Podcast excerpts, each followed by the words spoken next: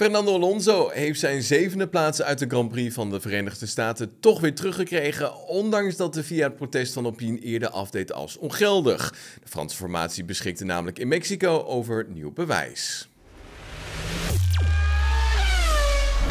Tijdens de race kreeg Alonso niet de meatball-vlag te zien vanwege de spiegel, waardoor hij dus ook niet naar binnen hoefde en zich uiteindelijk weer een weg naar voren kon vechten. Na het beroep van de Haas kreeg de Spanjaard echter toch een tijdstraf van 30 seconden, waardoor hij weer terug werd geplaatst naar de 15e steek. Ja, en tegen de tijdstraf kan je niet zomaar in protest gaan en daarom ging Alpine vervolgens in protest tegen het feit dat het beroep van de Haas 24 minuten na het maximale tijdslot van een half uur na de race indiende. Dit protest werd in eerste instantie afgewezen omdat Haas direct na afloop duidelijkheid zocht en vervolgens te horen kreeg dat men 1 uur de tijd had om een protest in te dienen. Alpine kreeg vervolgens dan weer te horen dat als er belangrijk nieuw bewijs zou worden ontdekt, binnen 14 dagen een review van de stewards aan kon vragen. Ja, precies dat deed Alpine, waarna er gisteravond in Mexico een videocall plaatsvond met alle betrokken partijen. Alpine won het right to review en werd er besloten om direct weer een nieuwe zitting te houden. Het team van Alonso richtte zich hierin op de reglementen, waarin staat dat het tijdslot van 30 minuten alleen mag worden verlengd als het onmogelijk is om binnen die periode een protest in te dienen.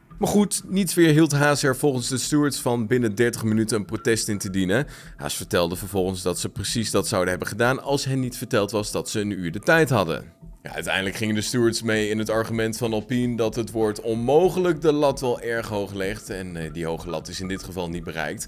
Haas had dus makkelijk binnen 30 minuten een handgeschreven protest in kunnen dienen. Iets wat de stewards destijds niet wisten. De stewards hebben daarom besloten dat het originele protest van Haas niet geldig was. En dat er geen straf aan Alonso uitgedeeld had moeten worden. Wel hebben de stewards hun zorgen uitgesproken over het feit dat Alonso niet naar binnen werd geroepen door de wedstrijdleiding. Ondanks zijn loshangende spiegel. Via president Mohammed Ben Is daarom een onderzoek gestart naar het gebruik van de Meeple-vlag. En het lijkt erop dat de lange gesprekken over een uh, mogelijke straf voor Red Bull Racing en Aston Martin na de overtredingen omtrent de budgetcap van 2021 bijna afgerond zijn. De VIA komt vandaag ergens met nieuws naar buiten en Aston Martin en Red Bull gaan akkoord met een schikkingsvoorstel en de straf die ze door de VIA opgelegd krijgen. Volgens Autosport is het zo dat Red Bull en Aston Martin beide concluderen dat ze fout zaten en daarmee ook hun straf accepteren. Aston Martin, dat fout heeft gemaakt tijdens de procedure, zou een geldboete krijgen. Dit was ook het geval voor Williams eerder dit seizoen, toen het team dezelfde fout maakte als Aston Martin. Voor Red Bull is de straf, omdat ze ongeveer 2 miljoen dollar over de budgetcap zijn gegaan, wat pittiger. De geruchten zijn dat er een geldboete komt voor de procedurele overtreding en een vermindering in testtijd als het gaat om aerodynamica, een geldboete en minder testtijd zou dus de straf zijn die de FIA vandaag bekend gaat maken voor Red Bull Racing.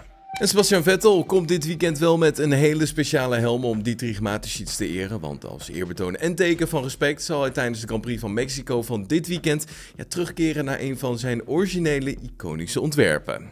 Ja, in de Verenigde Staten was het al opvallend druk met vier rookies en Antonio Giovinazzi, die tijdens de eerste vrije training een kleine vijf minuten mocht invallen. Nou, tijdens de eerste vrije training in Mexico wordt er echter nog een schepje bovenop gedaan. Nick de Vries die komt in actie voor Mercedes. Liam Lawson mag namens AlphaTauri zijn talenten gaan vertonen.